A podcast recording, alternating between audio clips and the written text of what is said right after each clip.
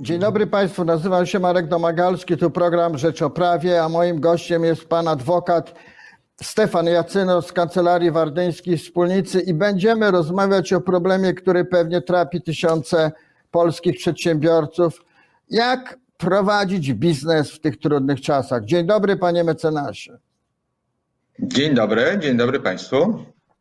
Dzień dobry. Panie mecenasie, e, może nie miliony, bo byłaby to przesada, ale pewnie dziesiątki tysięcy przedsiębiorców, zwłaszcza tych drobnych, e, zaraz wytłumaczę, dlaczego na nich kładę akcent, bo więksi sobie dadzą radę, nie musimy im tu specjalnie doradzać, mają prawników.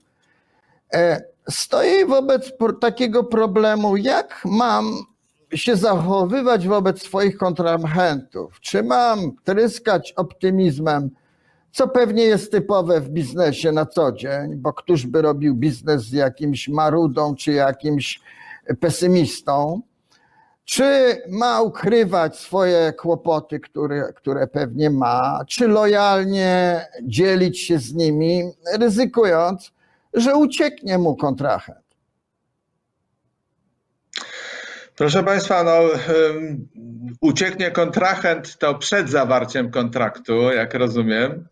Yy, No, mówimy raczej chyba o sytuacji, kiedy przedsiębiorca musi wykonać kontrakt, a napotyka na przeszkody, które są, no, e, wszyscy ich doświadczamy. Mm, I chyba najbardziej o to chodzi, bo to w amerykańskiej kulturze jest, prawda, ta kultura keep smiling, czyli, prawda, wszystko jest dobrze, nigdy nie ma z niczym problemu. U nas raczej jest kultura narzekania i wspólne narzekanie często jest y, tematem rozmów zbliżających ludzi. E, Natomiast e, rzeczywiście trudność jest taka, że w trakcie wykonywania kontraktu doszło do właśnie tych nadzwyczajnych okoliczności, czyli e, związanych z opóźnieniem dostaw, związanych z tym e, brakiem e, pracowników, e, czy e, niemożności e, dokonania pewnych czynności, czy nawet ten obieg poczty e, spowolniony.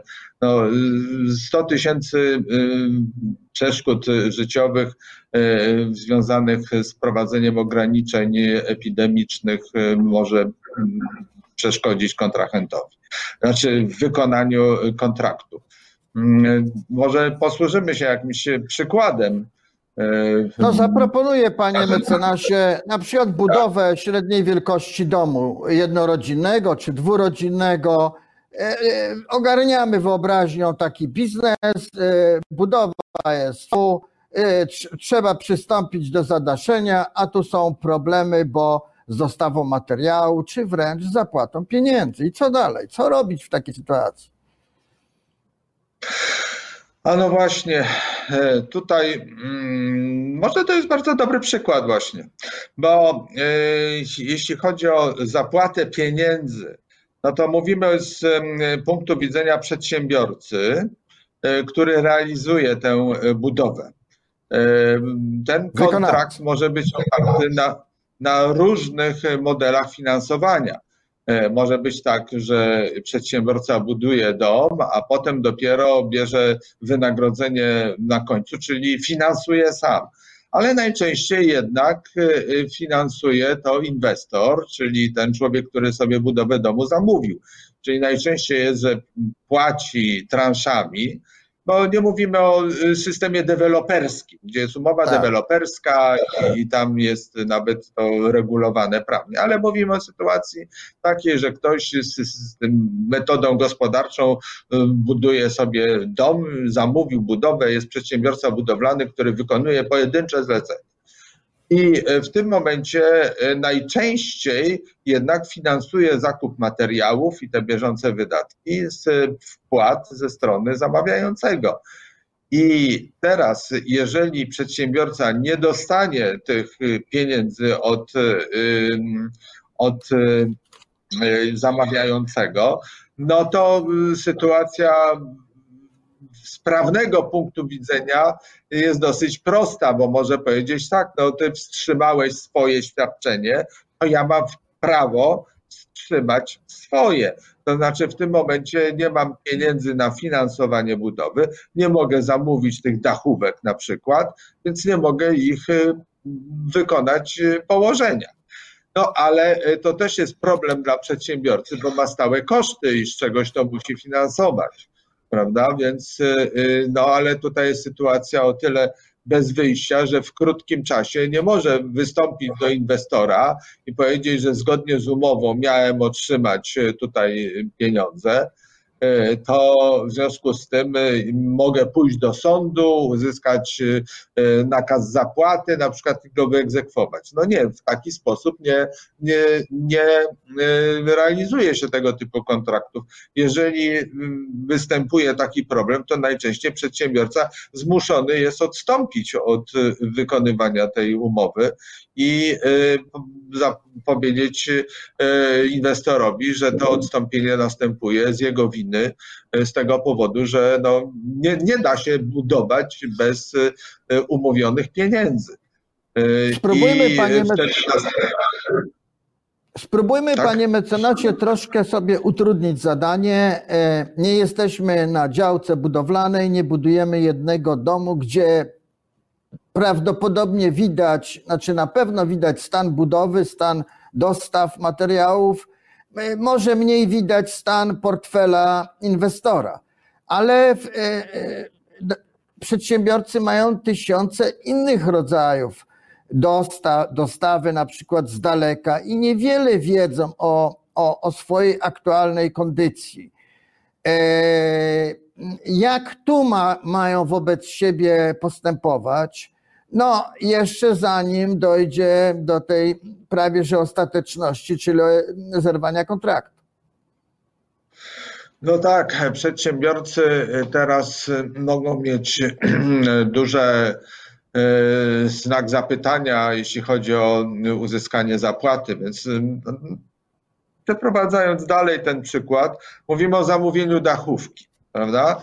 Więc y, y, ten przedsiębiorca budowlany, licząc na to, że od inwestora otrzyma w terminie zapłatę, y, odpowiedniej tam raty, zamawia u innego przedsiębiorcy dostawę tejże dachówki.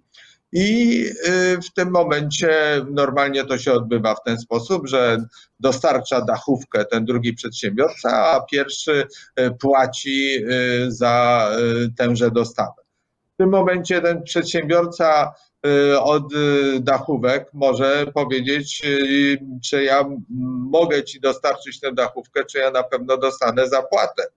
I może żądać na przykład wpłaty zaliczkowej czy przedpłaty i dopiero w tym momencie wysyłać tęże dachówkę. Ale też może podjąć decyzję, mówię w tym momencie o producencie dachówki, żeby tę dachówkę, która mu zalega na placu, dostarczyć y, zgodnie z zamówieniem i powiedzieć, jeżeli nie dostanę zapłaty, to i tak moja sytuacja się specjalnie e, nie zmieni, będę miał e, przynajmniej wierzytelność do tamtego drugiego, e, to będę mógł ją dochodzić, jak nie dzisiaj, to jutro, to może w tym momencie tę zapłatę uzyskam. E, i w ten sposób sprzedam dachówkę, która, jak mówię inaczej, zalegałaby mój magazyn. Mm, e, e, to, to, to jest... chyba, panie, panie mecenasie, w praktyce nie jest takie proste dla tego dostawcy, bo owszem, pozbędzie się partii towaru zalegającą w magazynie, ale pieniędzy nie dostanie, a w tle mamy ryzyko większej liczby upadłości, restrukturyzacji, które ładne słowo, ale ono ona w praktyce oznacza e, redukcję długów po prostu. Czy te elementy kontrahent powinien brać pod uwagę? No i przede wszystkim, no jak tak, się zabezpieczyć? Jest... No tak, więc właśnie y, jeśli chodzi o prawne zabezpieczenia, to trochę tutaj inaczej wygląda niż ta rzeczywistość ekonomiczna, bo jeżeli ma ktoś nadmiar y, materiałów, znaczy y, nie materiałów, produktów, y, które tak czy inaczej zalegają mu magazyn, to może je wystawić na ryzyko prawda, że przynajmniej jakąś tam częściową zapłatę dostanie, a jeżeli no, tego produktu nie ma dużo, no to wtedy może rzeczywiście sobie pozwolić na takie wymuszenie na tym, komu zależy na tej dostawie, no, zapłaty na przykład z góry, czy zaliczkowej, czy przynajmniej częściowej zapłaty, Y, żeby czuł się komfortowo, jeśli chodzi o bezpieczeństwo rozliczenia. Y, może też y, zażądać zabezpieczenia przy jakichś większych transakcjach, może wręcz gwarancji bankowej, ale to już naprawdę stosuje się przy, przy dużych kontraktach. To nie jest dostawa dochówki na budowę domu jednorodzinnego. Mm, ale Mówimy... na przykład, jeżeli przepraszam, za, dokończę, jeżeli zamawiającym jest spółka z ograniczoną odpowiedzialnością, to może żądać na przykład poręczenia przez prezesa zarządu właściciela spółki. Mówimy, panie mecenasie, o biznesie, a więc też o pewnym elemencie gry. To chyba jest oczywiste nawet dla nas, raczej nie biznesmenów. E, ale e, już trochę o to pytałem, ale chciałem dopytać, jak dalece kontrahent ma być y, lojalny wobec y, drugiego, to znaczy informować go o swoich kłopotach, ewentualnej niewypłacalności i czy to w późniejszym sporze, który może i bardzo często y, następuje, czy to ma wpływ na sądowe rozstrzygnięcie? Może tu wrócimy do relacji między inwestorem, e, czyli zamawiającym budowę i tym wykonującym budowę. Jeżeli jest kontrakt, który mówi, że dom ma być gotowy w czerwcu, prawda, a jeżeli nie będzie gotowy w czerwcu, to trzeba będzie płacić kary umowne, no to e, w tym momencie w interesie e, przedsiębiorcy jest jak najszybciej zawiadomić inwestora o występujących przyczynach.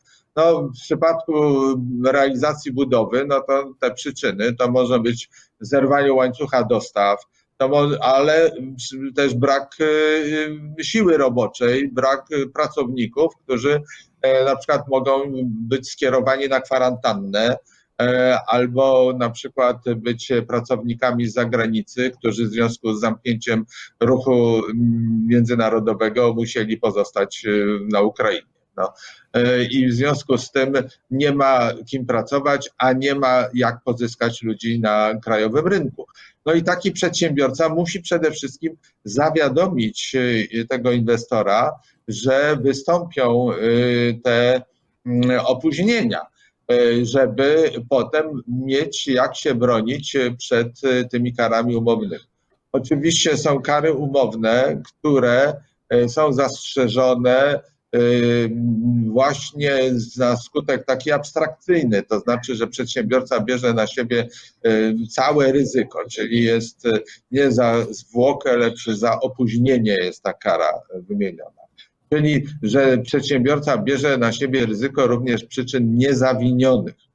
No, ale e, wydaje mi się, że w związku z tym, że e, epidemia to jest jednak przypadek, coś, co wręcz można nazwać siłą wyższą, to w tym momencie nawet y, i, i, taka abstrakcyjna odpowiedzialność no nie może być tak zupełnie oderwana od realiów y, i przedsiębiorca mógłby się bronić w przypadku, gdyby inwestor żądał od niego owych kar umownych, ale już po zakończeniu kontraktu, prawda? Ale w tym przypadku jednak przedsiębiorca musi wykazać, że dopełnił należytej staranności w zapobieżeniu powstania opóźnienia. To znaczy, że zabiegał o pozyskanie innych pracowników, y, to znaczy, że jeżeli nie dostał materiałów u jednego dostawcy, że starał się uzyskać u innego dostawcy. Y, no, w każdym bądź razie, że nie zostawił tego po prostu biegowi y, spraw rzeczy, nie rozłożył rąk i powiedział: No, trudno jest epidemia i w związku z tym y, nic nie mogłem zrobić. Można było zrobić. Ja mówię, epidemia to nie jest zwolnienie lekarskie, które zwalnia od e, jakiejkolwiek działania i usprawiedliwia wszystko. No ale z drugiej strony też e, umowa, nawet taka obwarowana karami, to nie jest weksel, który jest oderwany od treści zobowiązania, tylko jest to jednak zobowiązanie umowne. I y, inwestor też y, nie będzie miał prawa takiego bezwzględnego realizacji na przykład tych kar umownych y, właśnie w sytuacji, kiedy przedsiębiorca dołoży starań, żeby zapobiec temu opóźnieniu. Czyli lojalność, tak. Czy, czyli lojalność kontrahentów się liczy i jest ważna, ale trzeba jeszcze w razie ewentualnego sporu, oby do niego, do, nie, do, do niego nie dochodziło, mam na myśli procesy sądowe, trzeba to wszystko wykazać. Jak zbierać dowody, panie mecenasie? Mamy mało czasu, choćby ze dwie rady. Pierwsza rzecz, no to jednak e, w tej chwili działamy przez e, komputer, więc robić jakieś wydruki, prawda, czy print screeny, jeżeli się właśnie e, prowadziło jakieś rozeznanie, choćby, prawda, z poszukiwania ofert na rynku.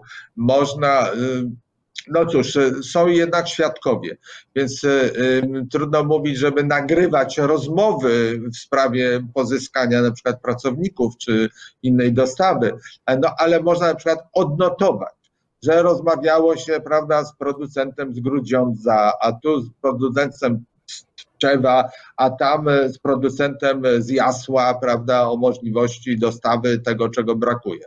Że prowadzono rekrutację, że wystawiono, e, że się zwrócono do e, biur pośrednictwa pracy, że odbyto ileś tam rozmów e, w sprawie właśnie pozyskania jakichś wolnych pracowników od innych przedsiębiorców, też zrobić jakąś notatkę. No, w razie, żeby można było wykazać tę swoją staranność. Więc notować to, co się robi, no to jest chyba e, minimum tego e, takiej e, ostrożności na wypadek sporu oczywiście. Na wypadek I niech sporu. ta rada, i niech ta rada, panie mecenasie, będzie pożyteczna dla naszych telewidzów i puentą naszej rozmowy. Dziękuję panu mecenasowi. Moim gościem był pan adwokat Stefan Jacyno z Kancelarii Wardyńskiej Wspólnicy. Dziękuję Państwu, do widzenia.